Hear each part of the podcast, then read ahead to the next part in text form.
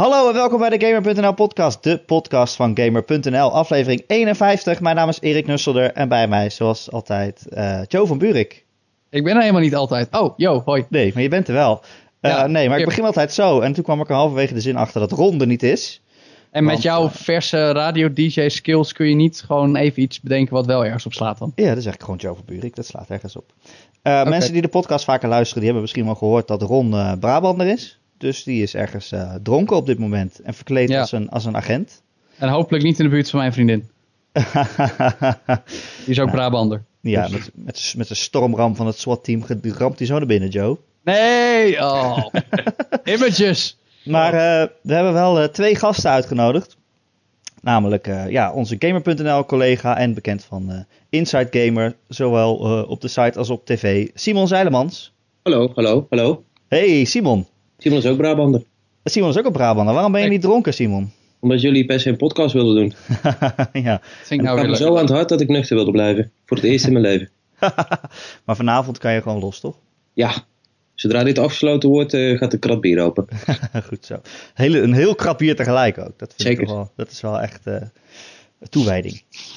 Uh, en aan de andere kant hebben we ook onze Gamer.nl collega en bekend van de podcast Game Bites, Bastiaan Vroegop. Hey, goeiedag. Ik wil Joe geen zorgen be bezorgen. Maar ik, heb, ik was vandaag met wat collega's in gesprek. En echt iedereen vertelt me dat er echt belachelijk veel vreemd gegaan wordt tijdens carnaval. Ik zat ook in dat gesprek. Is vriendin. Bas. Zat jij daarin? Nou, dan weet ik zat je in dat gesprek. Zat dus. jij bij nu.nl? Oké, okay, prima. Misschien moeten we je vriendin even bellen, Joe.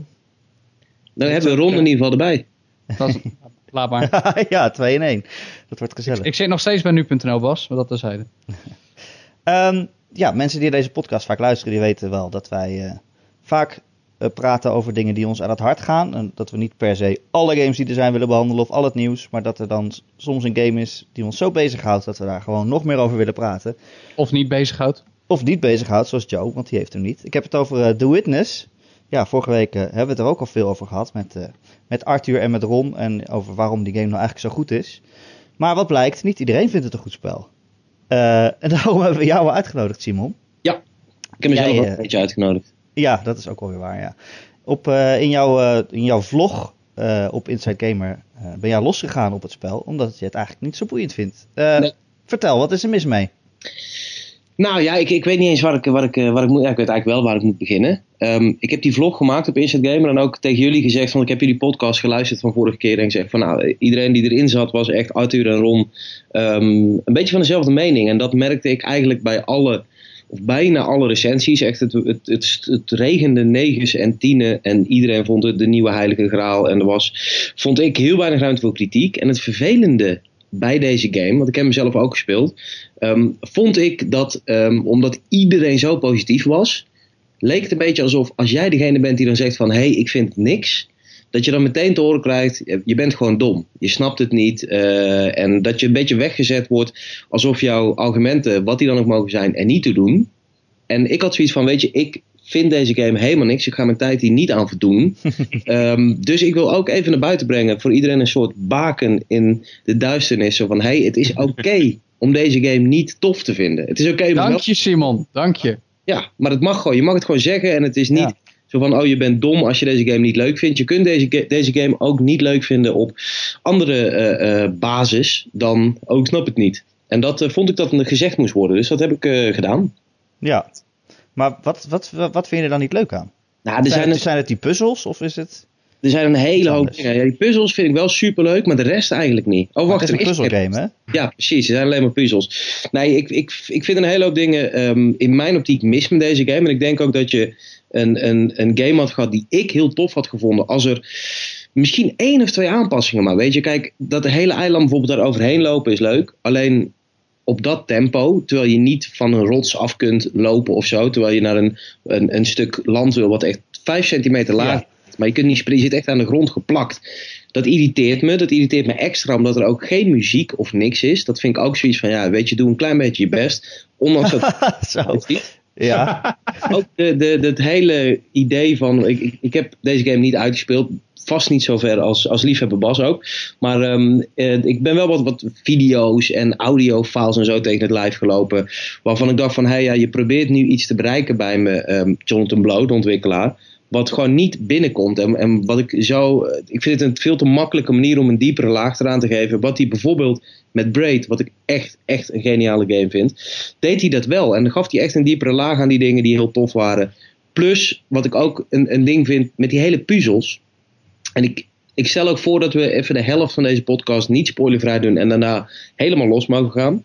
Zodat iedereen op een gegeven moment. Wil je puzzels spo- spoilen? Nou, dat zou ik Ja. niet per se doen. Dus, maar- ja, Ja. Wel deze dat- game, omdat het zo, het ontdekken is zo inherent aan de, aan de lol ervan. Ja, maar ik vind wel dat we de, la- zeg de laatste 10 minuten of het laatste kwartiertje. dat we even mogen zeggen van nou, dit was het voor iedereen die die game niet uitgespeeld heeft. En iedereen die dit wel gedaan heeft. Uitgespeeld ook. Je hebt hem er ook niet uitgespeeld. Nee, maar goed, die alles gezien heeft en de, de, de, de hoofdlijnen ontdekt, zeg maar. Dat we daar even over kunnen verder kletsen. Maar ik wil wel gezegd hebben. ehm, het vervelende is dat we nu een beetje omheen moeten praten. Ik wil wel gezegd hebben, ik had er echt voor gekozen om in elke area. Waar je nu, nu kom je soms bij een puzzel en dan heb je zoiets van: hey, ik weet niet of ik deze puzzel al moet kunnen begrijpen. Ja. Of dat ik hem niet begrijp. En die frustratie van bij een puzzel staan. Waarvan je, want ik, hoe moeilijk puzzels ook zijn. Kijk, als je mij een puzzel geeft. En die is super moeilijk. En ik weet van oké, ik heb de tools om op te lossen. Ik ben echt benieuwd. Dan wil ik daar echt 1, 2, 3, 4 uur mezelf vastbijten. Maar ik wil niet bij een puzzel mezelf 4 uur vastbijten. Om er vervolgens achter te komen dat ik helemaal niet deze puzzel kan oplossen. Dus als hij gewoon elke area van het eiland had opgedeeld. ehm, of een beetje af had gescherpt. Dat je bijvoorbeeld een poortje doorging. En dat dat poortje ehm, de eerste puzzel was van een reeks. Dat ik in ieder geval wist van oké, zo werken deze puzzels. En dan mag hij me daarna zoveel mogelijk uitdagen als dat hij wil. Alleen dat hele ding van dat ik soms bij een puzzel sta en niet weet van hey, kan ik eigenlijk wel oplossen? Ja, fuck it, ik ga hem naar de volgende. Daar zit er heel veel frustratie in. Voor mij. Dat is Vast, voor mij ja. toevallig. Ja, dat is op zich wel leuk inhaken. Want dat is toevallig wat ik er zelf juist echt geweldig aan vind. Dit is, dit is voor mij echt een game die je op geen punt eigenlijk eh, expliciet zegt wat je nou wel of niet moet doen. Maar het is echt een beetje aanvoelen van. Denk ik dat ik dit al kan? Of moet ik ergens anders zijn? Want de grap is ook dat. Je, je begrijpt nog niet iedere puzzel, maar je kunt wel iedere puzzel oplossen. Als jij gewoon ervoor kiest om bijvoorbeeld 15 uur voor een bepaalde totaal onbegrijpelijke puzzel te gaan staan. om te proberen om bepaalde elementen uit te vogelen. Ja, in die, in die super lange periode kun je er dan achter komen hoe je er dan inderdaad doorheen komt. Het is een spel wat je op geen punt bij je handje vasthoudt. En dat is juist denk ik ook wel echt de charme ervan. Maar- Ja, Simon, dat vraag ik me dan ook af of je dat inderdaad liever had gehad. Want ik, ik heb hem ook gekocht sinds vorige week dat iedereen er zo blij mee was. En, ik vind het ook wel heel vet. En juist omdat, nou bijvoorbeeld in het begin van het spel ben ik een beetje rond gaan lopen bij dat eiland. En dan kwam ik bij een deur en daar zat zo'n puzzel op met allemaal verschillende tekens erop. Eh, en, die tekens die betekenen allemaal iets en ik had geen idee. En inmiddels heb ik dat spel eh, eh, een aantal uren gespeeld en dan ben ik veel van die tekens tegengekomen. En en ben ik leren begrijpen wat ze betekenen. En met die kennis kon ik terug naar die eerste deur die ik gevonden had om hem, om hem open te maken. Om die puzzel op te lossen.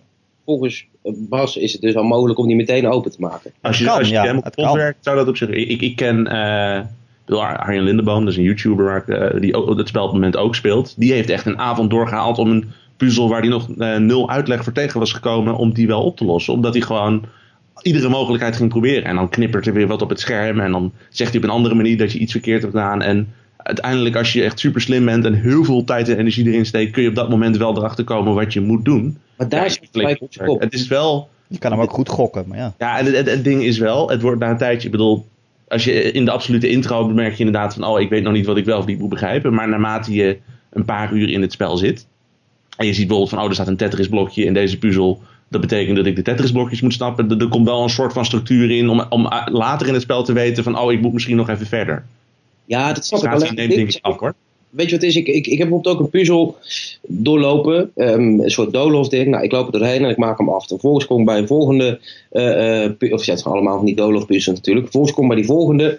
Daar zit ik echt lang vast. En ik denk van, nou, ik, ik, weet je, ik bedenk wel een theorie. En ik heb tien theorieën afgewerkt. Uiteindelijk blijkt dan, zoals je ook puzzels hebt, wat soms heel goed werkt en soms niet, dat je naar de omgeving moet kijken. Maar dat, dat betekent dus dat je, wat jij zegt, als je maar lang genoeg een puzzel ziet, dan, dan kun je op een gegeven moment, zeg maar, eh, eh, met deductie afleiden hoe die puzzel opgelost moet worden. En als ik daar dan drie uur op zie, kijk, ik weet niet, op dat moment dat ik bij een nieuwe puzzel kom, weet ik niet, hey, moet ik nu in de omgeving gaan kijken, heeft dat zin? Of moet ik nu dit doen? Ik wil niet dat de regels, zeg maar, en dat is het ding wat iedereen fantastisch vindt, en, en dat stoot me tegen de borst om verschillende redenen, dat ik dus niet die regels heb. Het, het idee van die puzzel oplossen vind ik waanzinnig vet.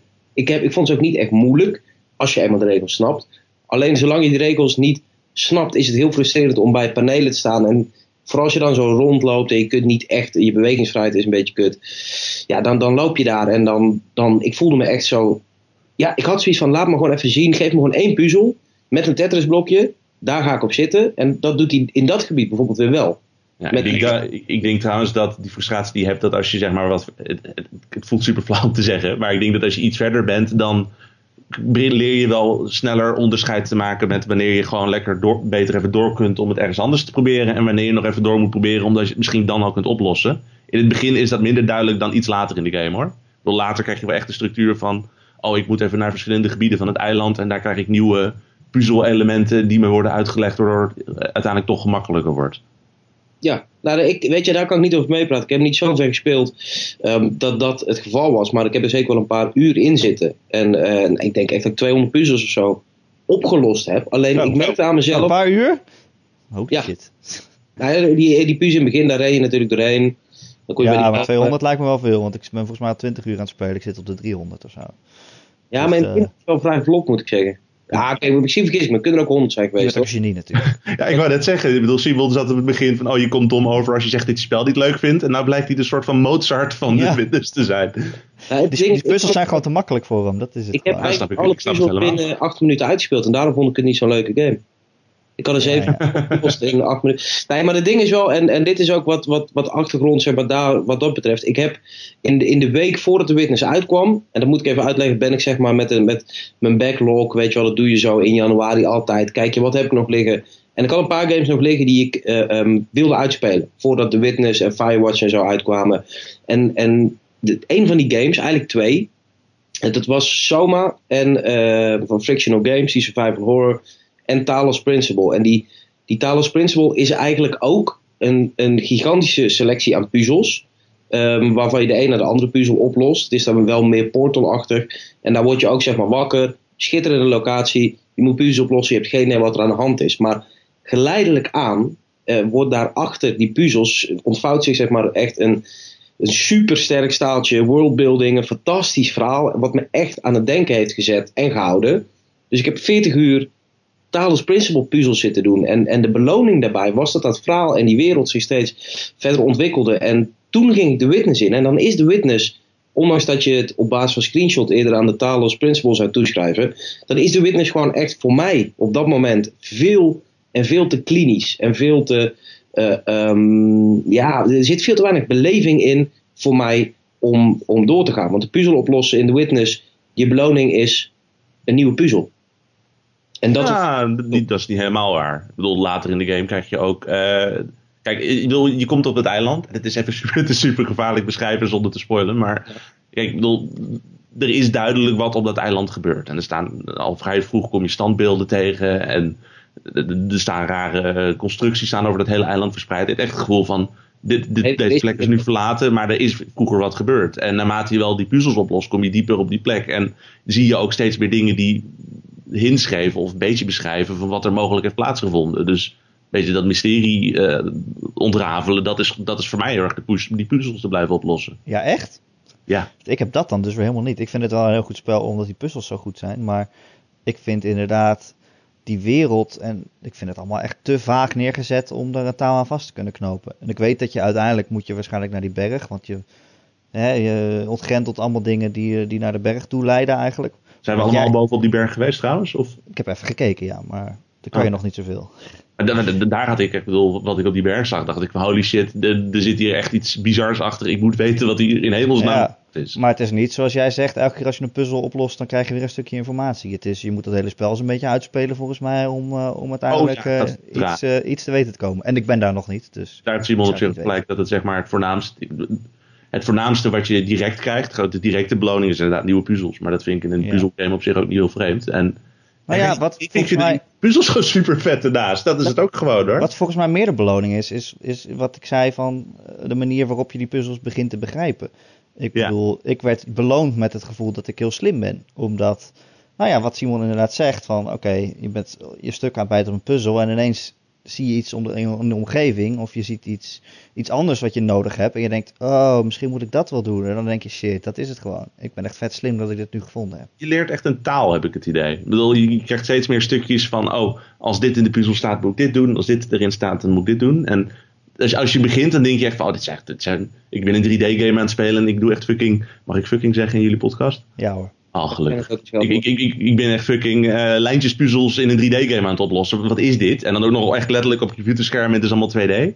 Maar naarmate je meer dingen krijgt, is het gewoon duidelijk van. Hij heeft gewoon een super simpele basis gepakt. Omdat hij er zo belachelijk veel op kan plakken. dat je gewoon nieuwe elementen blijft ontdekken. En je krijgt bijna een dialoog met die ontwikkelaars. Want soms zit je een bepaald, probeer je een puzzel op een bepaalde manier op te lossen. Dan zie je van, oh, hij heeft dat gedaan zodat dat net niet kan. Dan probeer ik dat, dat kan ook weer net niet. En je ziet echt van, hij probeert je een bepaalde kant op te pushen. om een bepaald iets te zien wat je normaal niet gezien zou hebben. En er zijn zo weinig puzzels, of uh, puzzelgames die je zo'n inzicht kunnen geven, heb ik het idee. Ja. Maar het is wel, Simon heeft wel gelijk. Uh, ik bedoel, die wereld en dat verhaal, dat, boeit me helemaal echt niet. Ik bedoel, als ik zo'n audiolog vind en, of zo'n filmpje. En dan krijg je een of ander vage gekwaal over, over de zin van het leven en wat is, wat is een mens en zo. En ik denk dus ik ben, weet ik veel, dat soort dingen. Dat is wel echt allemaal pretentieus geneuzel, vind ik. ik ben er zelf dol op, maar ik ben misschien ook een beetje pretentieus. Nou, ja. het is, weet je, ik, ik ben er ook, ik ben echt, ik hou van, die, van dat soort shit. Alleen ik vind in dit geval echt belabberd uitgewerkt, daar niet van. Maar het is extra wrang. En, en dat is, ik denk ook dat dat de grote reden is dat, dat kijk, als ik de Witness twee weken eerder had gespeeld, misschien had ik jullie enthousiasme gedeeld. Alleen omdat ik, ik kwam dus net uit die Talos Principle, waarin dat dus precies goed is. De, elke puzzel die je oplost, daar, daar, of tenminste elk puzzelgebied zeg maar, wat je oplost, je krijgt daar zoveel voor terug. En ik, um, ik moest denken aan, aan uh, zeg maar een half jaar geleden um, en het jaar daarvoor dat ik echt heel veel Destiny aan het spelen was. Echt ontzettend veel. En op een gegeven moment Metal Gear Solid kwam mij uit en ik dacht bij mezelf ineens van, hey kut, ik zit echt vier avonden, vier, vijf dagen de week Destiny te spelen. En ik merkte dat mijn ervaring nooit meer veranderde. Weet je, als ik met vrienden ging raiden, was het altijd tof. En als we het haalden, was er altijd een soort van jubelstemming. Een nieuwe gun die je nog niet had, was altijd leuk. Alleen dus altijd op dezelfde manier leuk. En toen dacht ik bij mezelf, kut, ik kan mijn tijd beter besteden aan, uh, um, aan straks Metal Gear. Dat is weer een andere ervaring. En dan Dragon Age wil ik ook nog uitspelen. Dat is ook weer heel anders. En ik had met The Witness zoiets, omdat ik in die periode eigenlijk ook voor mezelf, of mezelf had voorgenomen, van ik wil gewoon niet meer blijven hangen in dezelfde soort ervaringen. Als dat, ik, ik vind het veel waardevoller. En daarom heb ik ook. Heb afgelopen jaar daarna ben ik eigenlijk veel kleinere games ook gaan spelen. Weet je, Life is Strange, uh, The Swapper en The Fall heb ik bijvoorbeeld de afgelopen maand ook uitgespeeld. Maar ook Soma. Dat zijn van die games, dan denk ik van ja, dan heb ik even dat, dat pakketje van een nieuwe ervaring. Dat kan ik dan ervaren en daarna weer door. En in de witness had ik zoiets van, hé, hey, ik snap dat je denkt van, hé, hey, ik zit twee uur vast op deze puzzel, helemaal frustreerd. Ik heb hem, super vet. Alleen de volgende keer dat je daar vast zit, is het gevoel wat je krijgt precies hetzelfde. Want die frustratie is hetzelfde en de beloning is hetzelfde. Ondanks dat die beloning er misschien wel is. Als het soort van ah. enigszins sens maakt wat ik zeg. En ik vind het zonde ja, ja, om als een soort hamster in een, in een wiel te blijven rennen. En steeds maar weer in, in bij elke puzzel. Um, omdat er geen extra beloning qua beleving of verhaal bij zit. Blijft het hele ervaringsproces van het vastzitten bij een puzzel en hem oplossen hetzelfde. Maar het is, ook wel, het is ook wel een puzzelgame, dus dat vind ik wel een Ja, maar het, het, is inderdaad in, het, is, het is in één game. En ik, kijk, ik kan me ook voorstellen dat als je inderdaad de Talos Principle hebt gespeeld en je er daarna hierin springt en je wil inderdaad niet steeds dezelfde ervaring, ja, dan zou ik The Witness, als ik jou was, ook, ook geen ruk aanvinden. Ik wil nee, daar ook heel goed inkomen, maar ik heb zelf persoonlijk de Talos Principle nog niet gekocht. Ik heb door jou betogen de laatste tijd wel echt absurd veel zin om dat binnenkort een keer te gaan doen. Ja, maar ik ga, ik ga er nog wat, natuur, uh, nat, uh, wat, ja, wat puurder zeg maar in. Ik, ik, ik heb totaal nog geen overschot aan puzzelgames op dit punt. Dus dan, ja, dan heb je daar minder last van, denk ik. Nee. Maar het ding is ook wel dat The Witness is niet een game die je even vier uur kan spelen en, om te kijken wat het is. En dan, het is echt een game waar je voor moet gaan zitten. Dat is het echt. En dat hebben veel mensen. Weet je, even vier uur. Ik ja, dat is lang. Maar ja, ja. op zit, dan kun je niet zeggen van je gaat er even op zitten. Kijk, als je als spel binnen vier uur dat ik nog moet gaan ontdekken dat het leuk is, dan denk ik van ja, maar nou gaat er ergens iets mis. Nee, het is, ik vond het die eerste vier uur al wel leuk, maar je ontdekt gaandeweg steeds meer dingen die een soort van deurtjes in je hersenen openmaken, weet je wel. En steeds weer een nieuw deurtje, waardoor je denkt van, waardoor het eigenlijk steeds leuker wordt. En daarom zeggen mensen dus ook, als je het vier uur gespeeld hebt, dan heb je nog niet het leukste van de game gezien. Ja, dat, ja zo is het nou eenmaal. Ik, dat is ja. zo'n game die echt belachelijk traag op gang komt dan. Nou ja, traag op gang. Eh, hij, Vier hij gaat- uur. hij gaat ook nooit sneller. Nee, Hij het, is gaat met niet dat 30 hij, km per uur. Ja, het Dat is wel niet- op- snelheid. het is niet dat hij niet op gang komt, want het gaat altijd, altijd even snel. Want je, komt, je loopt op een eiland en je komt een paneeltje tegen aan een puzzel erop. En die, die moet je oplossen. Maar, Nee, maar dat het is zo niet. dat het steeds... Ja, ik weet ook niet hoe je dat moet zeggen. Het is niet dat het niet op gang komt, maar het is dat je steeds weer nieuwe dingen ontdekt. En juist dat nieuwe dingen ontdekken is wat zo leuk is aan die game. Ja. Maar je ik snap wel, ik snap wel wat Simon bedoelt, denk ik. Ik, Wat ik zei heb, je, Simon? Had je het idee dat je nieuwe ervaringen opliep die je in de eerste twee uur bijvoorbeeld niet had? Ja, Ja, ik ook wel. Nou ja, ik heb, er is bijvoorbeeld ook, ja, ik weet niet of dat een spoiler is, maar dat, dat, niet. dat blijkt dat de hele tijd voor je neus allemaal geheimen zijn die je de hele tijd niet ziet. En bijvoorbeeld een geheim, je bent op een plek en iets staat, staat daar, een standbeeld of een dingetje en je denkt, wat de fuck doet dit hier? Dit is gewoon een dom, dom design van een gek eiland. En dan ga je aan de overkant van het meer staan en dan kom, kom je net in een ander perspectief en dan blijkt dat het toch iets voorstelt, weet je wel. Oh, hebben jullie dat met... eh gut, ja, nee, ik kan, ik kan eigenlijk bijna niet zeggen door te spoilen. Maar Niet spoilen! Die hele horizon is inderdaad ook weer iets. En, Echt? en nou, Oh. ja. Hey, Stores, spelen, jullie, eh, spelen jullie alleen of spelen jullie samen met iemand? Ik heb eh, alleen gespeeld. Ja, ik speel ook alleen wat mijn vriendin is, een beetje een Simon. mijn vriendin heeft, geen geduld voor, voor puzzels. Oh, Nee, maar het is oprecht. Eh, Toen Ron zei bij zijn vurige betoog voor deze game: van ja, dit is bij uitstek een game die je samen moet gaan spelen. Toen heb ik ook echt even met mijn vriendin wat be- beelden bekeken. Van oké, gaan we dit leuk vinden? En het eerste wat ze zei was: ben je alleen maar lijntjes aan het trekken? Ja, ja, maar En toen, ja. nee, maar toen heb ik nog even gekeken. dacht van ja, je bent alleen maar lijntjes aan het trekken. En toen hebben we besloten: we gaan het gewoon niet spelen. Terwijl normaal zouden we dit soort puzzelspellen bij uitstek met z'n tweeën gaan spelen. Hey, wat ik je weet het niet. doet, Trek het je gewoon niet. Alleen lijntjes trekken een beetje een omschrijving is van voetbal op 22 man die alleen maar achter een balletje aan rennen. ja. Ja, nee, oké, het dat snap ik. Nee, maar, eh, maar ik snap wel. Ik bedoel, de, de, wat, wat Simon net zei over dat de beleving, of de, dat dat een beetje mist of zo, dat gevoel had ik ook.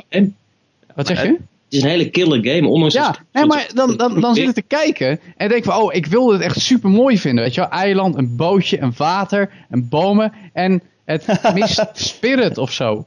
Het, Ja, het mist echt spirit. Ja, maar het ding is, zeg maar, de lol van het spel, dat zit echt, ik bedoel, zoals Erik net ook al beschreven, het zit volledig in je hoofd. Je bent echt gewoon mentaal een, Ja, maar dan- aan het houden. En inderdaad, wat op het scherm gebeurt, ziet er misschien super suf uit, maar de Ja. regels die je leert, daar doe je iets, zoiets leuks mee dat het gewoon in je hoofd super leuk is. En Ja, dat maakt het misschien ja. gewoon een super leuke podcast game en niet om naar te kijken. Maar kijk, ik bedoel, ik speelde zelf wel met mijn vriendin. Een leuke podcast game. Wauw. Je, moet, je moet je even weten, Ja. kijk, als je naar, nu woorden aan het zoeken om te vertellen dat je vriendin heel dom is en niks snapt. Ja. Nee, mijn vriendin is een hele slimme vrouw. En een mooie vrouw. En ik hou van haar. En er is een enige, Luister. de enige kans dat ze op me Ja. meeluistert. ze luistert echt.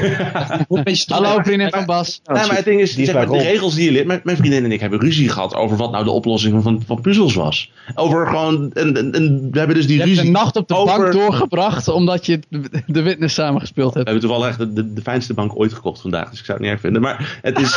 nee, maar, je- dat, is, dat is dus. Moet, je even dit contrast bedenken. Weet je, je, je hebt dus inderdaad. Je kijkt die trailer. Je ziet inderdaad die super kille, saaie, uitziende eh, lijnen puzz- eh, puzzeltjes. Ja. Maar de systemen die erachter zitten zijn zo ontzettend diepgaand en multi-interpretabel dat het gewoon iets is waar je het oneenigheid over kunt hebben. Dat is toch super cool? Weet je Maar- wat erg is? En ik, ik, ik heb deze game echt op Twitter, op in, in onze gamer Slack groep en noem maar op. En, en persoonlijk met mensen echt, ehm, be- echt best wel verhitte discussies terechtkomen. En ik heb het idee dat ik mezelf de hele tijd moet verdedigen. Terwijl aan de andere kant van het verhaal, dat heb ik ook in die vlog gezegd, weet je, als er iemand is en die geeft deze, of deze game een 10 in recensie, dat snap ik. En ik vind het heel, en ik, ik snap waarom deze game zo opgehemeld wordt en ik zie dat. Ehm, en ik, ik, ik zeg ook niet, wat ik vaak wel wil doen, maar bij deze game niet. Zeg ik ook niet van, hey, die cijfers die jullie geven, die slaan nergens op, of het klopt niet, of het is opgeklopte hype. Maar ik snap echt alle lof die deze game eh, toebedeeld wordt. Alleen, ik heb het persoonlijk, zeg maar, niet. En dat, dat, dat Maar- ik, ik, ik vind het zo heftig dat ik me zo moet Simon, verdedigen de hele tijd. Dat Kom- idee. komt, dit, komt dit niet op een heel simpel principe neer? Namelijk het feit of jij een game op waarde kan schatten of dat je een game leuk vindt. Ik bedoel, Resident Evil 4, eh, stokhoud voorbeeld onder de hand. Ik snap dat het een ontzettend goede game is. Ik vind er geen zak aan.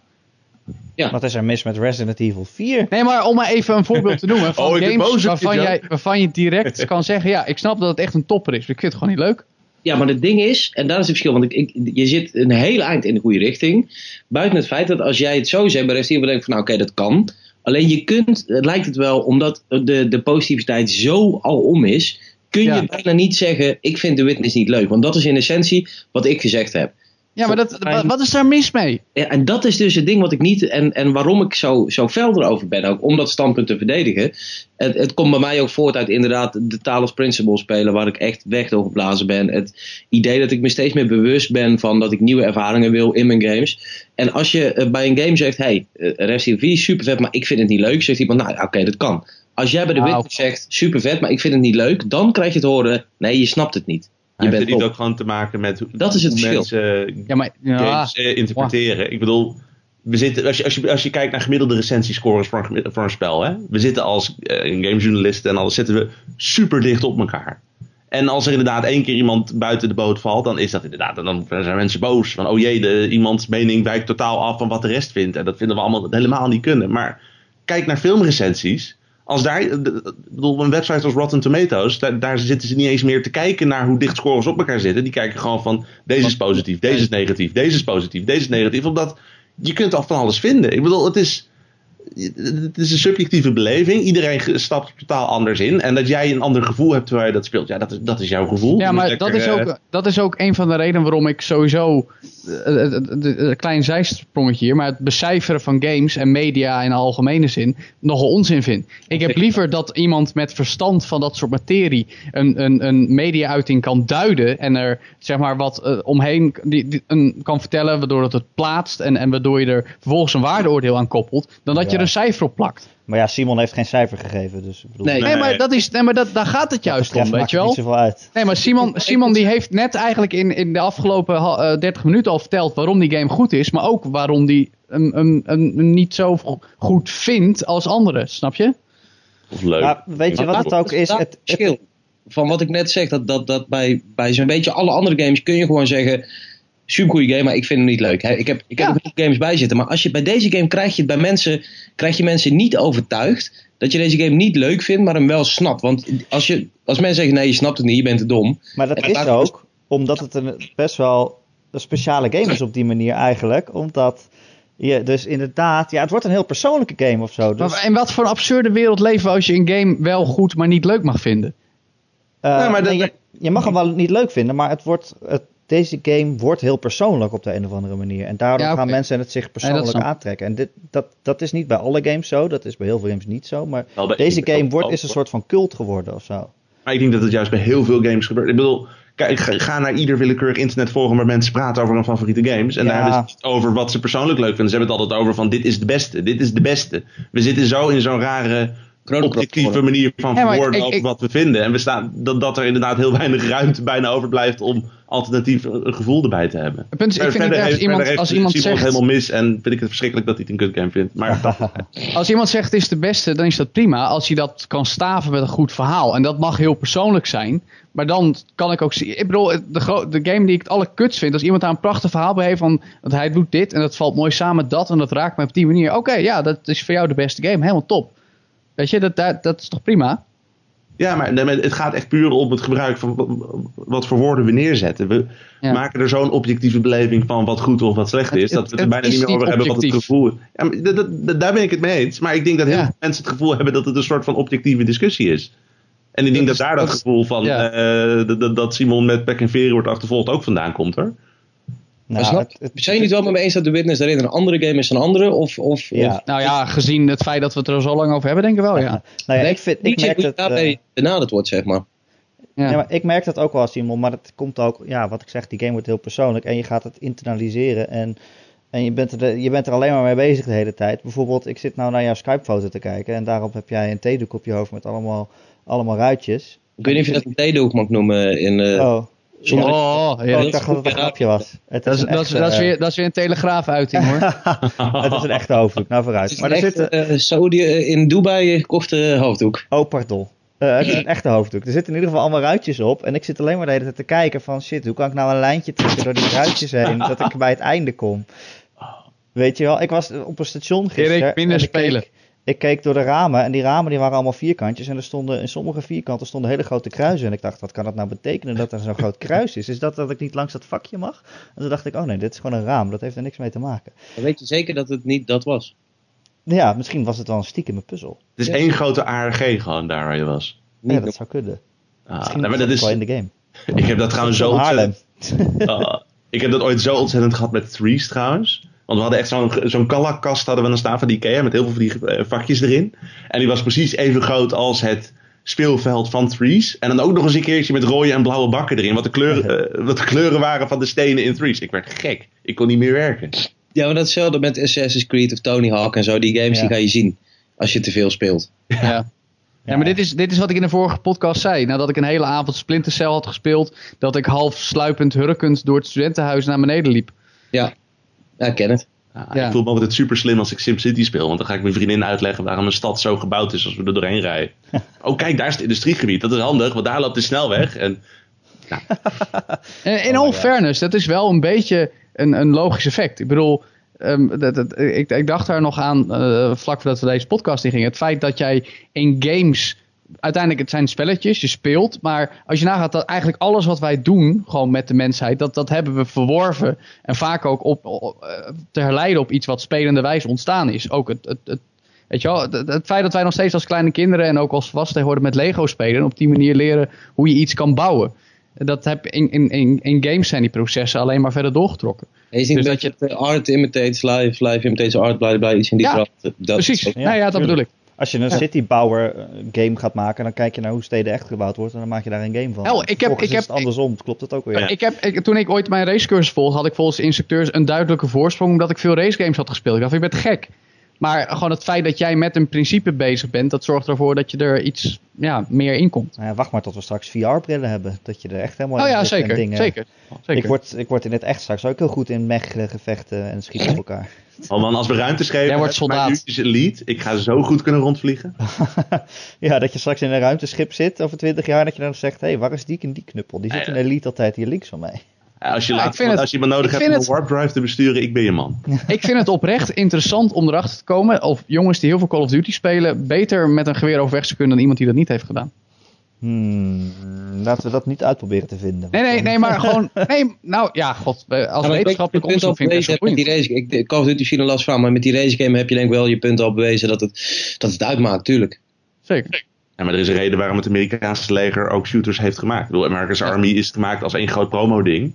Ja. Eh, Zelfs op het kwaadaardige punt dat, dat je inderdaad altijd de Amerikanen speelde tegen de terroristen. Ook al was het een online game. De tegenpartij zag je ook gewoon als terrorist. Maar wil je, daarmee zeggen, wil je daarmee zeggen dat je zeg maar objectief gezien dat The Witness gewoon echt een bout game is?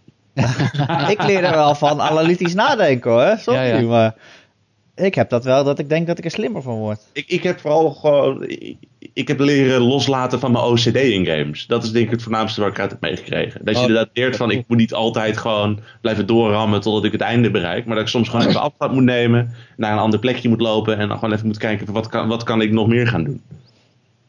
Ja, nou ik, ja, je leert er wel van om anders naar dingen te kijken en dat de oplossing misschien niet zit waar je hem verwacht en zo. Ik weet Ja, super goed is- hoe je een lijntje tekent. Maar dat is iets anders. Oh, jongens, ben je eh, alleen maar lijntjes aan het tekenen in deze game? ik, ik, ik, heb, ik heb hokjespapier hier liggen. Dat wil je niet weten. Ik ook, ik heb hier op de bank. Ja, je eh, moet er wel, ik vind, dat vind ik wel een fantastisch iets. Maar Bas, ben je wel, wat ik me afvraag dan, ben je op een, op een eh, ik bedoel, we hebben het nu 40 minuten grotendeels over de Witness gehad. Ja. Als ik, eh, zeg maar vorige week, en, en jij was ook een, een felle voorstander van de Witness natuurlijk. Kijk je nu anders tegen iemand aan die zegt, ik vind deze game helemaal niks. Nou, maar nee, maar ik kijk eigenlijk ook. I don't know. Het, het, het, het- er is een verschil tussen zeggen van ik vind het slecht en ik vind het niks. Want als je tegen mij zegt van ik vind het niks, ja, dat is prima, dat is jouw mening. Maar dat had ik stiekem ook wel toen we lekker aan het keten waren in die gamergroep, had ik een beetje hetzelfde gevoel. Maar als je slecht van het is een slechte game, dat vind ik zo'n objectief, eh, objectief statement dat ik me daar niet in kan vinden. Ik vind dingen ook echt slecht in deze game. Het gebrek aan een soundtrack bijvoorbeeld, denk ik, ja. Ja, dat vind ik gaaf. Maar dat is. eh, Ja, maar dat is ook een artistieke dat is keuze, denk ik. Ja. Ik bedoel, met, met, met, jou, met, met een hoop van jouw punten van dit vind ik slecht, kan, ik- kan ik me niet in vinden. Jouw punt van dat je eh, niet 5 centimeter kunt springen en dat dat super kunt. Dus ja, daar ben ik het keihard wel mee eens. Maar ja, er zijn, I don't know, dat is lastig. Maar dit- als jij, als jij tegen me zegt, van, ja, ik vind het niks, ja prima. Ik kan me prima voorstellen dat niet iedereen dit geweldig vindt. Ik vind het ook echt niet. Het, is echt geen game voor iedereen, weet je wel. Er zijn wel eens games die ik top vind en die ga ik aan iedereen, aan iedereen aanraden. Dit is niet een game die je aan iedereen aanraadt. Nee, Dat is toch ook- grappig, want dit is dan typisch een game die in heel veel Game of the Year lijst gaat verschijnen. Sommige mensen noemen hem nu al een beste game van het jaar. Maar dat, dan, Februari. Terwijl ze Ja, nee, ik bedoel maar. eens gespeeld hebben nog. Precies. Maar dan heb je dus je game van het jaar, maar je kan hem niet aanbevelen aan andere mensen. Dat is, Nee. dat is toch... Nee, maar als je over jij- nadenkt... Joe, ja. jouw game van het jaar was... eh, nee, ja, een van jouw games van het jaar was Project Cars. Maar dat raad je toch ook niet aan aan mensen die niet van racing Nee, dat houden? klopt. Dat klopt. Maar dan heb je het wel over een heel genre wat je moet Ja, doen. maar dit is een puzzelgenre. Je moet houden van eh, vastzitten op puzzels en, en daar heel mee worstelen totdat je ineens achter een, achter een eh, oplossing komt. En dat is de reden dat ik het niet aan iedereen aanraad. Want bijvoorbeeld mijn vriendin weet ik dat hij daar het geduld niet voor heeft. Maar het is ook niet een criterium. Ik bedoel, mijn Game of the Year was Yakuza 6 of 5. Nee, 5. Ik niemand Vijf aan. of zes, maakt niet zoveel uit. Ik echt letterlijk aan niemand aan, die game. Buiten het feit dat ik hem fantastisch vind. Maar dat, dat is dat, ook het mooie. ja, zeker. Maar jij zegt net dat het niet mocht, nu. Nee, nee, ik geef alleen aan dat, kijk, ik, ik bedoel om te zeggen, deze game gaat in Game of the Year lijst verschijnen, weet je wel. En dan gaan mensen, het, het enige wat mensen in de Game of the Year lijst proberen te doen is of vertellen waarom ze het persoonlijk zo fantastisch vinden, of waarom iedereen het moet spelen. En als het dan in de eerste categorie valt, prima. Maar in die tweede categorie, dan is dat dus eigenlijk bij de witness een heel moeilijk geval. Ja, het, is ook, het, het gevaar is ook dat het is zo slecht om in clichés terug te vallen. En zeggen van dit is leuk als je van dit soort dingen houdt. is echt een van de ultieme clichés. Voor de Dus ja. van puzzelgames. Er is ook Ja, voor game die iedereen... puzzelgames is het een topgame. Ja, Dus, Dat, dat, ik weet ook niet of dat bestaat, zeg maar. Als je een game hebt, als je van, nou, oké, dit moet iedereen... Ik bedoel, ik heb de Val afgelopen week gespeeld. Een soort van indie point-and-click-achtig dingetje. Die ik heel vet vond. En ik had het er met een buddy van me over, waar ik meestal mee op één lijn zit. Ik had zoiets van, ja, misschien dat jij deze net niet tof gaat vinden. Doordat je dit of dit eh, qua connectie mist. Weet je wel? Of Everybody's Going to the Rapture. Vond ik ook waanzinnige game. Maar ik ken niet zo heel veel mensen aan wie ik hem zou aanraden, zeg maar. En dat maakt het ook soms wel lastig in je, bijvoorbeeld voor, voor tv recenseren of een Inset Gamer ehm, voor het programma. Ja, ga maar eens aan een publiek wat niet eens super bekend is met games, uitleggen wat Everybody's Going to the Rapture is, waarom het fantastisch is en dat er een hele grote kans is dat zij het helemaal niks vinden. Oh man, Kijk, casual. Moeilijk is, verhaal. eh, super lastig. Ik bedoel, bij Gamer, als je voor Gamer.nl een review schrijft, dan weet je in elk geval van, als ik lyrisch ben over een MMO, en ik zeg honderd keer dat het een MMO is, dan zullen de MMO-haters niet iets hebben van deze game moet ik toch gespeeld hebben. Nee. Maar als je inderdaad het Veronica-publiek, en die hebben, geen, Ja. die hebben misschien geen idee wat voor games... Fox, eh, hè, Bastiaan? oh, is het Fox? Oh, Ja, sorry. tegenwoordig wel. hey, Knip. jij wordt het, volg het nieuws het nieuws. Sorry, ik kijk geen televisie. het spijt me heel erg. Bas kijkt geen televisie, heeft geen telefoon. De, de games, het is lastig om. om, om ehm, en ik, ik, de, Witness zei ook, de Witness is ook een game die ik sommige mensen ook wel zou aanraden, ondanks dat ik het niks vind. En ik er op dit moment helemaal niet zit te wachten op zo'n game. Om daar mijn uren in te steken voor ja, een, een herhaling van beleving. Juist. Joe, zullen we het over een game hebben die eh, jij wel speelt? Ja, dat is goed. Wat ben je aan het spelen, Joe? Nou, ik, het, het is misschien wel leuk om het nu bijna een half jaar na release nog eens te hebben over eh, Metal Gear Solid 5. Oh, ik dacht Geloof- dat je GTA Online ging zeggen. Nou ook, maar dat is, dat, die bestaat nog langer. Dus dat is eh, wel heel erg eh, passé. Nee, maar volgens mij is dat een game waar Simon ook wel de nodige uurtjes in geïnvesteerd heeft. Dus het is misschien wel leuk om daar nog even over te hebben. De Metal Gear. 70 denk ik. Ja, nou ik bedoel maar. Nee, want ik zit nu net na de befaamde missie 31. En mensen die hem ook gespeeld hebben, ehm, die Ik weten weet dat dan... 31 ook al is. Het is lang geleden en ik heb het deze game ook ver weg gestopt in mijn geheugen, moet ik zeggen. 1 31 is de missie en als je hem uit hebt gespeeld, denk je, oh nu heb ik het spel uitgespeeld. En dan zeggen ze, gefeliciteerd, je zit op de helft. Oh, die chapter 1 missie.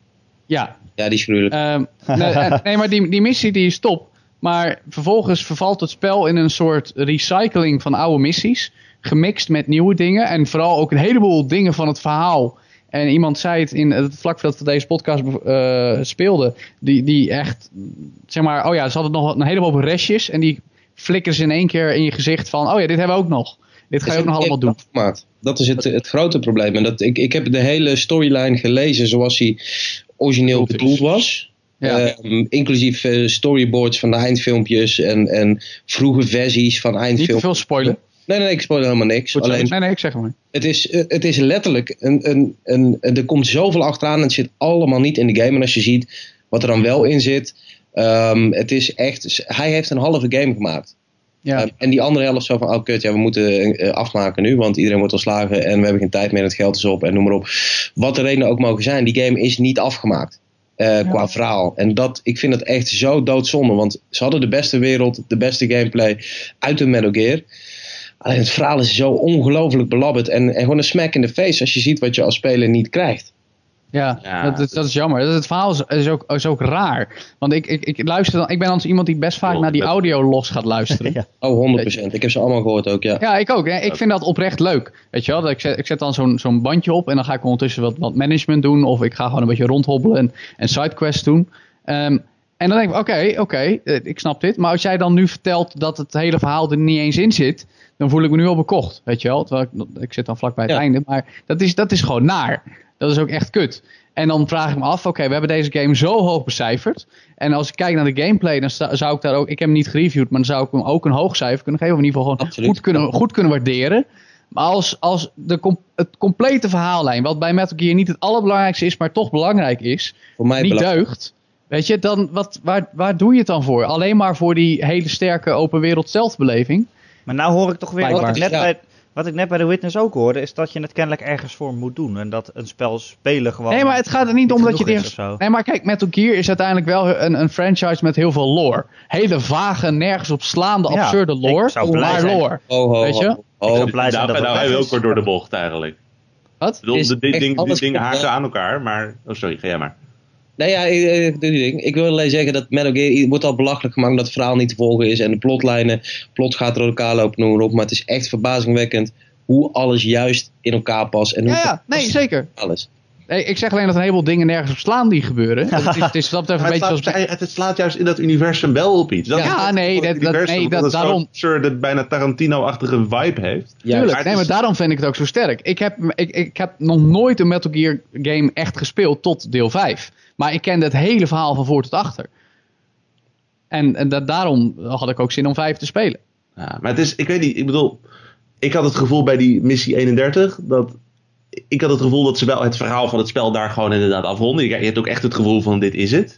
Ja, maar En er zijn hoop ends. Maar, maar het voelt bijna alsof ze. Ja, maar ik heb juist het gevoel dat wat er in die chapter 2 zat, dat het bijna een soort van sequel moest voorstellen. Want zeg maar, Ja, de- het grote verhaal van The Phantom Pain was verteld. Zeg maar, gewoon ja. je, je, had, je had drie eh, actes in de zin van hoe een verhaal werkt. Er was eh, de, de opbouw, de payoff, dat soort dingen. Gewoon, dat was klaar. En er waren nog open eindes. Maar ja, ik herinner me Metal Gear Solid 1 hoe dat eindigde met een zeker telefoontje. En dat was ook op zich vrij open. het het is voelt bijna alsof een soort van sequel eraan ja maar het, het, het extra wrange is dat, je, dat de kans heel groot is dat het of nooit meer verder gaat, of op een manier verder gaat zoals de geestelijk vader niet ondersteunt. Snap je? Voor mij, is, voor mij is het echt klaar. Eh, ik, ik moet ook zeggen, na vier, en ik, ik, ik vind vier is ook qua verhaal een fantastische eh, afsluiter. Dan heb je Peace Walker nog, die ik er ook nog absoluut bij wil rekenen, want daarin gebeuren hele, hele belangrijke dingen. Die hanteert trouwens een soortzelfde systeem dat je zeg maar halverwege de game, de game uitgespeeld hebt, daarna allemaal recycle shit krijgt met af en toe ineens verhaal tussendoor. Wat ook uiteindelijk, een, eh, eh, nou je moet dat verhaal wel kennen, om dat vijf een beetje sens maakt in het begin zeg maar. Ja. Ehm, eh, daar, het is verschil is alleen daar aan het einde van Peace Walker. En als je dan ook nog eens al die recycle shit hebt gespeeld. En die losse fladden. Dan wordt het wel echt afgesloten, afgesloten. En dat mist deze game. Maar ik moet zeggen, voor mij, ik, ik, is, is sterker nog, ik speelde, ja, ik speelde vier uit. En het, eh, ik had daar een best wel bijzonder ding mee. Kojima, die stond achter mij um, toen ik hem uitspeelde. Um, oh, letterlijk. Wauw. Dat uh, um, voor mij een, hele, een heel bijzonder moment was. Maar dat eindigt ook in principe met um, uh, Solid Snake die zichzelf doodschiet. En dat heeft hij niet door mogen voeren van Konami. Alleen, uh, ik heb erover gesproken. Dat is wel wat hij wilde. En voor mij is eigenlijk dat een beetje blijven hangen als ja, het einde van.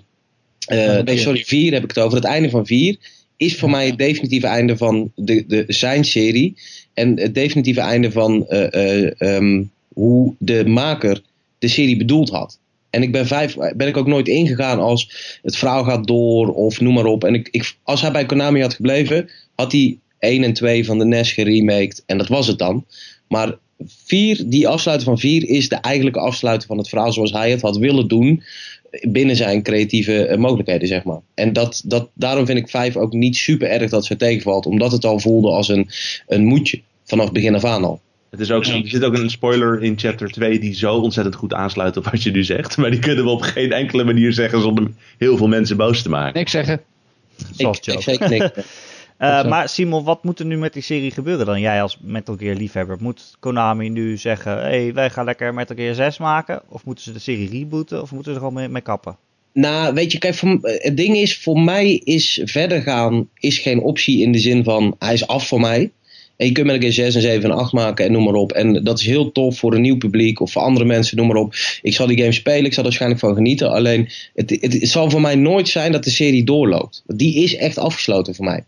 En ehm, kijk, wat zij ermee doen, natuurlijk moeten ze er iets mee doen. En dat mogen ze helemaal zelf weten. En eh, ik vind alles prima, maar ze kunnen voor mij niet meer iets verneuken. Ze kunnen niet meer verder gaan of voortborduren op iets wat echt zo ontzettend een afsloten geheel is.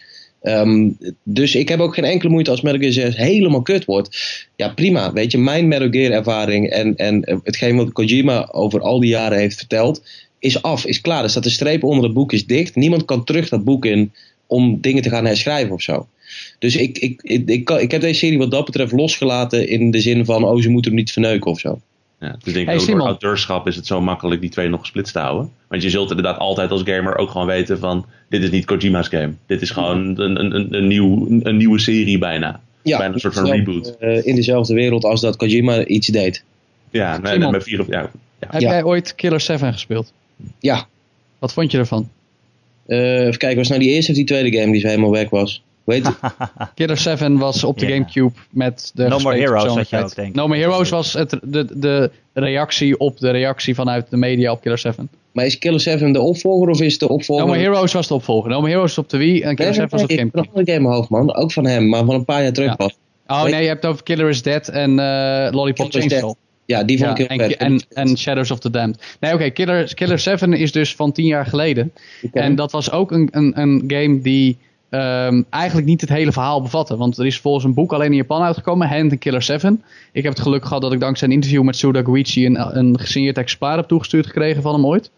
Ehm, en dat, daar staat dan het hele verhaal in. En dat is niet alleen een boek, dat is en een comic, en een timeline, en een character profiles, en nog een roman. En ook nog een making-of. Allemaal in één boekwerk. En dat is eigenlijk het idee dat Metal Gear ook zou moeten hebben misschien. Voor de hele franchise. Gewoon, weet je wel, een soort mediabundel met, en die geldt als van dit is het complete verhaal. Dat is eigenlijk iets wat je niet in een game, ook niet in een film, ook niet in een serie zou kunnen doen. Daar heb je gewoon een, een boekwerk voor nodig, denk ik. Metal, Metal Gear was jou nog niet complex genoeg, zeg maar. Ja. Nee, nee, maar ik bedoel, dan, dan kun je echt een poging doen om het volledige verhaal te vertellen, denk ik. Maar Metal Gear, als je gewoon 1 tot en met 5, eh, of sorry, 1 tot en met 4 bundelt, dan heb je dat al. Ja, maar dan heb je dus niet Peace Walker. Jawel, want Peace Walker hoort er ook tussen. Ja, oké, plus Peace Walker. Maar dus vijf niet, zeg jij. Nee, het enige wat jij zegt, kijk, je hoeft het niet allemaal per se te bundelen om dat statement te Het enige wat jij zegt, eigenlijk Ja. ook, is, er staat een streep onder 4. En misschien 5. Het ligt hem net aan hoe je het bekijkt. Ik bedoel, 5 is echt voor mij, en in het verhaal er zit ook, ik, ja, ik ben ze nu een beetje kwijt. hè. Ik ben er toen best wel diep ingedoken. Er zitten heel veel parallellen in het verhaal, waarmee Kojima aan heeft willen geven, eh, dit is niet iets wat ik wil doen. En Ja, ehm, dat zie je in 5. Wat dat betreft vind ik het toch wel bij de serie horen, omdat het ook zijn rebelse eh, verborgen boodschappen bevat. Waarin hij zegt van hey, ik ben hier klaar mee. En hij, hij was er met 3 en 4 ook al klaar mee. Ehm, daar niet van, want hij wilde 3 en 4 eigenlijk niet eens maken, maar moest. Maar met 5 ja, proef je echt tussen heel veel dingen door en heel veel metaforen en omwegen. Is dat zijn manier van te zeggen: jongens, ik ben hier zo ongelooflijk klaar mee. Ehm, ik wil dit niet meer. En wat dat betreft, ik vind 5 een super interessante toevoeging aan de serie. Vanwege die parallellen met zeg maar, de echte wereld. Alleen verhalend zet ik bij mij bij 4 een streep eronder. Qua in-game verhaal. En qua serie is Metal Gear 5 hoort er voor mij echt wel bij. Omdat het ook een hoofdstuk is uit Kojima slash Metal Gear slash Konami. Ehm, maar hierna, nu staat er wel een streep onder voor mij dat hele pakket. Wat ik echt super leuk vind, is dat ik een tijdje geleden Metal Gear Solid de Twin Snakes echt voor een prikkie in mint condition op de kop heb getikt voor de Gamecube. Eh, en ik heb het origineel Metal Gear Solid eigenlijk nooit gespeeld. Maar zodra ik klaar ben met 5, ga ik de Twin Snakes spelen. Daar heb ik Ah, ontzettend top. veel zin in. Dit is heel. Dat, dat, dat voelt echt van, weet je wel, ik ga, ik ga nu pas het verhaal beleven. Ik bedoel, een heleboel mensen zijn natuurlijk ingestapt op Metal Gear Solid. Ja, En, en ja, precies. En nou ja, dat, dat, dat moment moet ik nog gaan beleven. Ik ken het verhaal al van, van de retrospectives en de dingen die ik gezien heb, gewoon om de franchise te leren Ah, kennen. dat is wel jammer. Weet je, Nou ja, dat maakt niet zo heel veel uit, denk ik. Want Die- uiteindelijk heb je ik nog steeds de ervaring van die game. Ja, maar die game heeft zulke goede twists als je er gewoon op Ja, dat, moment echt diep in zit. Ik bedoel, Ja, het, dat het snap hele ik, maar goed, gebeuren nou ja, met dat- eh, decoy octopus en al die shit. I don't know. Het is... Ja, ik geloof dat Erik ook al iets heeft van waar hebben ze het nou over. Maar, Decoy Octopus. ja, dat is, ik, ik, maak, ik maak geen grap. Nee, maar die, ik, ik denk ook dat de eerste Metal Gear Solid en dan vooral die Gamecube remake. Ik bedoel, me- mensen haten erop, maar ik vind hem fantastisch. Ja, maar dat is, denk ja. ik, dat is mijn hoogtepunt in de serie nog steeds hoor. Ook dat- gewoon dat- qua, qua hoe het verhaal gewoon helemaal op het einde ook nog eens een keer gewoon samen wordt gebonden. En dat, dat je net wordt geprikkeld Ja, ja. van er is net wat meer aan de hand. Dat Kun je is echt toch nagaan als het Vince- best. Als de Twin Snakes een HD eh, remake zou krijgen. Oh In ieder man. geval heruitgave. Maar, Maar weet je wat het is met, met, met, eh, eh, ehm, eh, met Metal Gear? Die game is elke keer weer ehm, een mijlpaal geweest. Ja. voor Ja. gaming. Kijk, er was niks zoals één. Toen kwam twee uit en echt iedereen had zoiets van... hoe kan het zo mooi en zo precies? Ik weet nog dat die demo uitkwam. Dat we die speelden. En dat gewoon ongelooflijk. Je kon elk dopje van de wijnflessen in de wijnbar op het schip kapot schieten. En drie was ook weer echt... Drie is een van de, van de, van de twee games waarbij ik met een brok in mijn keel gezeten heb aan het einde. Ehm, vier was ook een, een grafische mijlpaal. En dat is, dat is wat je mist. Maar wat overblijft zijn nog steeds fantastische games. Dan moet ik wel zeggen, en hier zou ik nog een uur over door kunnen gaan. Maar nu jij Twin Snakes noemt, ehm, ik heb echt een hele, hele grote liefde voor, voor Silicon Knights. Die Dayek die daar bij die ontwikkelaar aan het hoofd staat, wat echt een enorme eikel schijnt te zijn. Alleen ehm, dan denk ik aan die studio dat die ook eh Too Human hebben, ooit hebben gemaakt. Om maar te praten over games die eigenlijk een vervolg zouden moeten krijgen. Wat nooit vervolgd is. Ja. En eh, ik, ik, Silicon Knights is ook eh, dood en begraven inmiddels. En noem maar op. En Too Human is uit de winkelschappen, moest het zelfs gehaald worden. Maar, oh. Ik vind het nog steeds zo, zo, zo ik bedoel, toch meer over vijf. En, en het feit dat jij hem wel niet bij de, bij de, de canon zou rekenen, zal ik maar zeggen. Ja. Ehm, puur op gameplay vlak is, is vijf toch wel heel, heel indrukwekkend. Ja, bij bedoel- de beste uit de serie. Ja, nee maar, nee, maar ook gewoon voor het, voor, het hele, voor het hele genre. En het feit dat nu nog, dat ik dan een artikel lees over een, een free roam game. Bijvoorbeeld ook Assassin's Creed Syndicate, toen dat uitkwam. En ik, ik, las stukken daarover, en meningen van mensen. Die zeggen van ja, het is op zich best leuk. Maar Metal Gear Solid heeft zo het rulebook over open wereld actie games met stealth herschreven. Dat het gewoon compleet outdated voelt. Maar dat Dat is, maar 5 was ook weer een mijlpaal, inderdaad. Ja, hoor. Vooral gameplay game is technisch. Zo perfect en, en bijna glitch vrijmaken, zo clean, zoveel mogelijkheden. Dat is, dat is echt ongekend. En ik heb daardoor genoten van de 70 uur die ik erin heb gestoken. Begrijp me niet verkeerd. Die game, en qua gameplay, verdient zo ontzettend veel lof. Alleen daar is het ook bij, en we komen nu misschien een beetje weer full circle met de witness. Daar is het ook bij voor mij persoonlijk. Iemand die dat verhaal echt, die daarmee opgegroeid is en daar heel erg naar hangt. Ehm, eh, is, vijf, eh, eh, is die teleurstelling van het ontbrekende verhaal zo ontzettend groot. Wat zonde is, want ik zie in deze game, en ik, als ik hem re- gerecenseerd had, wat ik niet gedaan heb volgens mij, zou ik hem ook een ontzettend hoog cijfer geven. Want wat ze doen op gameplay is, is echt ongeëvenaard en een mijlpaal. Wat, wat, ik, wat ik me nog wel herinner, ik bedoel, nou komen we helemaal fu- full circle, want nou ga ik mijn frustratie delen over een veelgeprezen Ja, game. En Kom maar op. nou, la- laat ik vooropstellen, ik, ik, ik ben dol op Metal Gear Solid 5, topgame. Maar waar ik me zo ontzettend boos om heb gemaakt, is dat het is een sandbox game. En je komt in het begin, kom je dan, nou, kom je in Kabul kom je dan aan.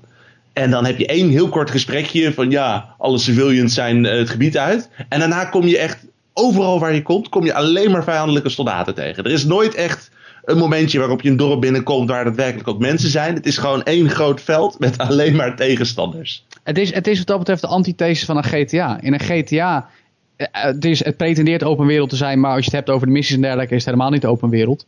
Ehm, maar daarin heb je juist die, die wereld vol met burgers en dingen die gewoon gebeuren en people living their lives. Terwijl Metal Gear geeft je echt een wereld waarin jij altijd gericht iets kan doen. Want overal zijn vijanden en overal is iets te pakken, weet je wel. In, in, in de Het is GTA... gewoon- Het is gewoon een grote Shadow Moses uiteindelijk. Het is geen Ja. wereld, Nee, want het absoluut. leeft niet. Nee, absoluut. Het is, het is, het is gewoon één groot vijandelijk gebied. Weet je, en, en, en dat is, dat- zo is het ook bedoeld. Dus in dat opzicht is het ook juist weer geen open wereld. of Het is wel een open wereld game, maar niet, niet, niet een, een, een, een, een levend organisch iets. Maar gewoon een, een grote vijandige map. Het is een hele grote game level.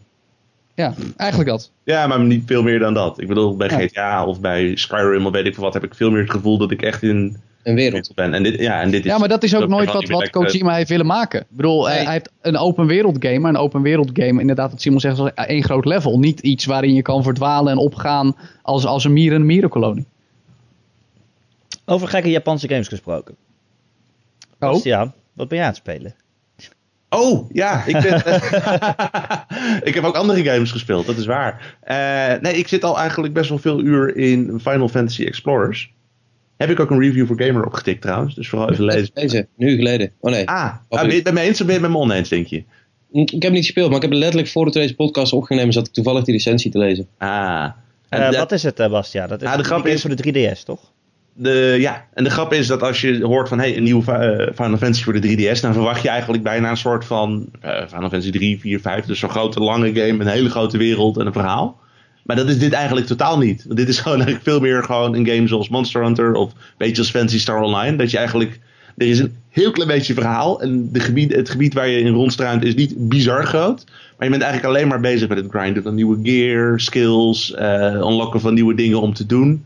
En je bent eigenlijk, ja, het is bijna een soort van mini-MMO. Je kunt ook met z'n viertje spelen om gewoon lekker gear met z'n, allen te farmen. En het is eigenlijk, je kunt er eigenlijk honderden uren op die manier in steken. Superleuk. Maar zit er dan alleen het, eh, het, eh, ja, de naam Final Fantasy op vanwege? Ja, er zitten Ja, wel karakters en zo in, toch? Ja, de je, hebt, je hebt een sit en er zijn, er zijn chocobo's en dat soort dingen. Het, het is wel weer, net als andere Final Fantasy, speelt het weer in zo'n wereld af. Maar qua gameplay technisch is het echt totaal anders dan iedere andere Final Fantasy die tot nu toe verschenen is. Het is een, beetje een beetje marketing ding bijna. Hm, jammer. Dus, En het is ook ja. een beetje. Ja, het- lastige is ook dat. de- de- je, je valt weer in zo'n cliché als je zegt van ja, het is alleen maar voor mensen die ervan houden. Maar het is echt zo'n.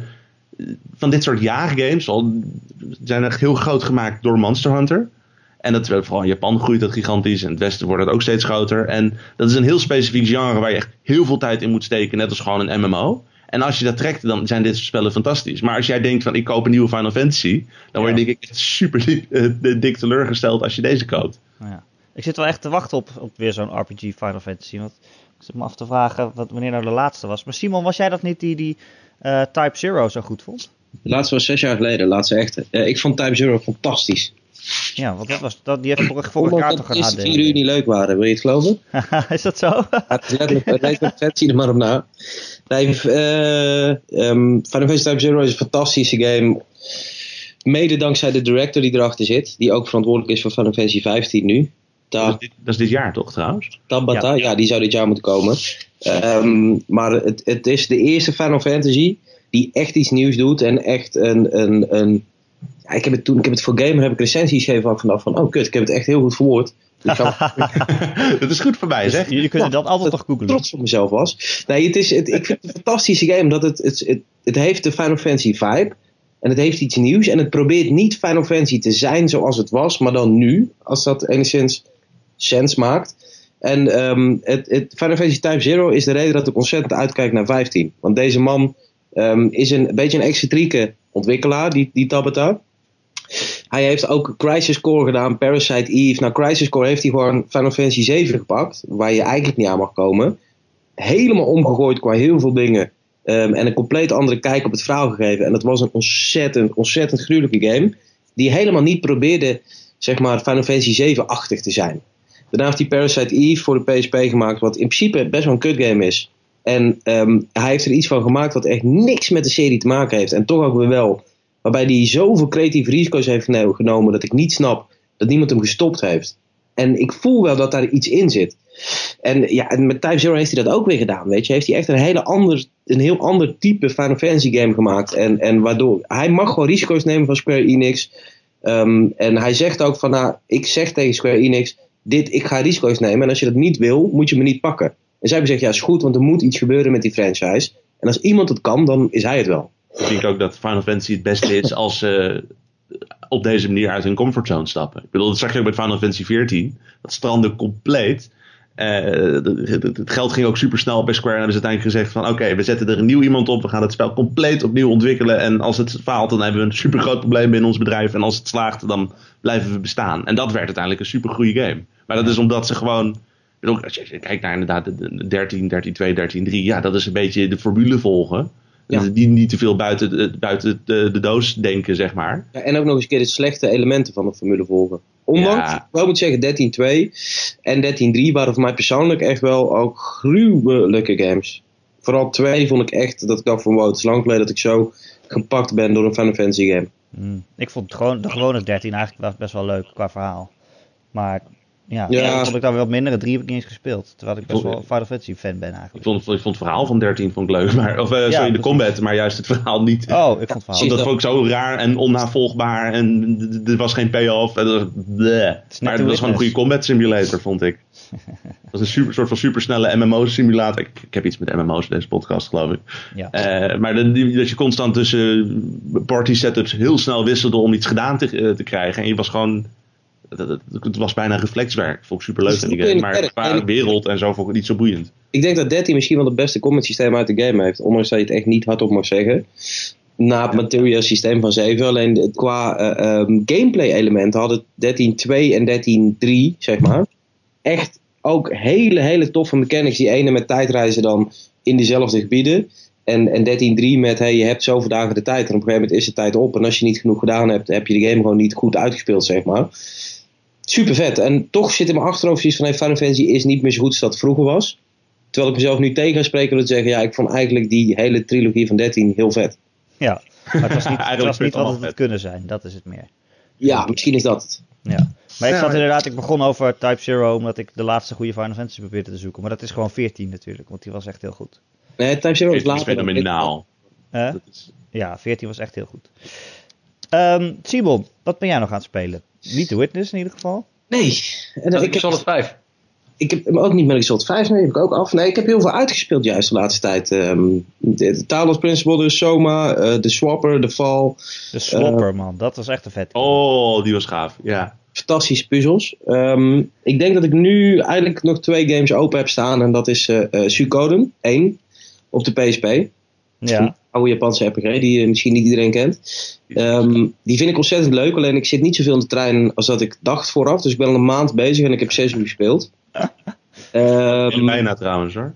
ja, en ik speelde ook niet... Oh, echt? Ik hoor wel... Suikoden 1 is echt een van de kortste JRPG's die je gaat spelen. Oké, nou daar, daar heb ik dus nog heel eventjes te gaan. Ehm, en Tomb Raider op de Xbox One moet ik ook eventjes alles halen. En dat wil ik ook even afsluiten gewoon. Ook een topgame. Die heeft in ieder geval goede smaak dus. Je bent lekker bezig. Is eh, een goede game. Ja, niet zo goed als die vorige, maar... Hè? Niet zo goed als de vorige Tomb Raider? Daar ben ik later pas eigenlijk achter gekomen. Want in de eerste, mijn eerste indruk was dat hij wel beter was. Maar het is in ieder geval groter. Ja, het is- en meer te doen. Ja, het is ook wel... een Ik, weet je, ik zal het zo zeggen. Het is inderdaad een, game die eigenlijk alles beter doet. Op één vlak na. Dat vind ik er wel belangrijk. Ik vind het niet echt een, een soort tijdervaring. Er is te veel clutter omheen qua dingen die je op kan pakken. En dingen die je moet resourcen en bouwen en Je doen. hoeft niet alles te doen natuurlijk. Nee, ja, maak kennis met Simon die alles Ja. moet. Maar ja, dat is dan weer je eigen schuld. Dat ligt niet aan die game dan. Dus dat, dat is een beetje een nasmaakje wat ik kreeg toen ik echt voor die 100% pas ging. Alleen dat terzijde, eh, het is, eh, begrijp me niet verkeerd, ik vind het echt, ik ben al vanaf de eerste game een, een grote fan van Tomb Raider. En deze, eh, re- de reboot en dit deel stellen absoluut niet teleur, want ze zijn echt, ik vind het echt weergeloze games. Mooi. Eh, nou, ik heb eigenlijk alleen maar The Witness gespeeld. Dus ik heb niet zoveel te We hebben het nu al genoeg over gehad, Ja, ik zit nu, de kat, de kat zit op de bank en die heeft allemaal strepen in zijn in zijn vacht. En ik zit gewoon eh, te aaien op de manier dat ik over die Erik, haal die watervaste stift weg. Dus in- probeer alsjeblieft niet naar de cirkel van je kat toe te werken. Want dat wordt wel heel snel eh, banaal. Hé, maar jij als medepuzzelaar, moet jij gewoon niet even binnenkort ook aan Twofold beginnen? Wat is Twofold? Eh Twofold is een, eh, de nieuwe Threes, noemt iedereen het. Een puzzelgame voor iOS en Android. En je bent de hele tijd ben je, eh, je vormpjes aan het tekenen in kleuren om punten te scoren. Ja, bedoel, net als ieder, ieder andere puzzelgame is het een beetje uh, suffelende mechanics uit te leggen. Maar het is echt super tof. En hoe meer je ervan leert, hoe minder willekeurig het aanvoelt. Dus je kunt echt gewoon beter worden om hogere scores neer te zetten. En ik weet, ik weet dat sowieso een aardige grote groep van mensen die ook voor gamers schrijven zitten met z'n allen gewoon lekker een beetje op de leaderboards te ruzien. Ja, op Super iPhone leuk, zeker weer. Eh, ik weet dat eh, Erwin Vogelaar, dus ook mijn collega van Gamebytes, Gamebytes.nl, allemaal luisteren. Die eh, zit op, de, Hey, op. Android, maar die zit ook op de derde plek van de wereld in de ranglijsten van dat Oh, spel. Nee joh. Die gast is een koning. Dus ga maar, veel plezier, ga me lekker verslaan. Welk spel? Eh Twofold. Ik ga het eh, opzoeken. Joe is al aan het googelen, zie ik. Hoor ik al. Eh, dat is eigenlijk het belangrijkste. Wat Sorry? vroeg je? Zit er een verhaal in of is het alleen puzzel? Ja, natuurlijk zit er een verhaal in, maar je bent te dom om het te snappen. Dat zie ik pas na vier uur. Ja, dat, dat komt pas later. Nou, leuk. Ik ga het proberen. Misschien hebben we het er dan eh, volgende week over. Want volgende week is er weer een Gamer.nl podcast. Elke maandag te downloaden via onze website Gamer.nl. Je kan hem ook luisteren via ons YouTube kanaal. Of eh, ja, je kan gewoon lekker naar iTunes gaan en je dan abonneren.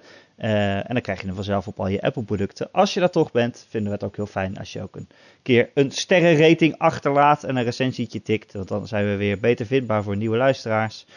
Heb je een vraag of een opmerking? Of vind je dat eh, Simon ongelijk heeft omdat hij de witness stom vindt? Dan kun je je mening mailen naar eh, erik.gamer.nl. Erik met een k. Of je kan gewoon een reactie achterlaten in het bericht waar je deze podcast hebt gevonden op onze website. Uh, nou, allemaal bedankt dat jullie er waren. Simon, uh, natuurlijk fijn dat je te gast was. Nee, moet, je nog Erik, iets, Erik, moet je nog iets pluggen, Jij Simon? bedankt voor het hosten. Wanneer ben je weer op Fox? Eh, nou, ik weet niet of ik eh, mag zeggen dat er nu zo'n aankomt, maar volgens mij gaat het wel gebeuren. Zeker, Oh. je dat zeggen. Oh, Inside ik denk Gamer. dat het gaat gebeuren. Ik weet het eigenlijk niet eens, maar ik denk het wel. Oh, oké. Ins- Inside Gamer te zien op eh, Fox dus eh, tegen die tijd. Bastiaan vroeg op, natuurlijk van Gamebytes. Ja, hey, superleuk om erbij te zijn. Eh dankjewel. En eh, nou, En jij bedankt. morgen hebben jullie ook weer een aflevering. Ja, En dan gaan jullie het over andere we- hebben, hè? Eer- Eerst la- lagen wij voor. En dan had ik altijd van, haha, jullie praten over de onderwerpen die wij de dag ervoor hebben besproken. Maar we zijn omgeruild op een of andere manier. Ja, jullie zijn naar dinsdag gegaan. En nou, en nou mopper ik af en toe tegen mezelf. Hey, verdorie, hebben ze het ook over The Witness? Dat hebben wij ook gedaan in onze podcast die straks online gaat. Super vervelend. Eh, en Joe, jij natuurlijk ook bedankt. Nee, Erik, jij bedankt. En ik bedankt. Dus. En de luisteraar bedankt. En de wereld Ja. bedankt. En, graag tot en, en. Hideo Kojima bedankt Metal Gear Solid Kojima 5. bedankt. En Jonathan Blow. Ja, ook. Voor de vier uur die Simon eh, zich heeft kunnen vermaken. En het, het feit dat we hier weer een hele podcast mee hebben kunnen vullen. Nou, dat schiet toch lekker op zo. Dus toch Ja. aardig wat uh, waar voor mijn geld voor 40 euro. Bedankt jongens. Tot volgende week. Yo. Yo! Joe. Joe.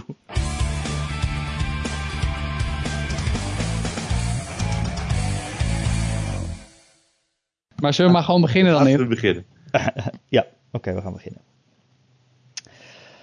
Nou, er zijn nog wel meer onderwerpen dan alleen. Ah, Ik wou nog even zeggen. Sorry. wat zei In je? iedere podcast gebeurt dit. Ja. Yo, Erik. Stop. Hallo. Helemaal opnieuw. Klojo's.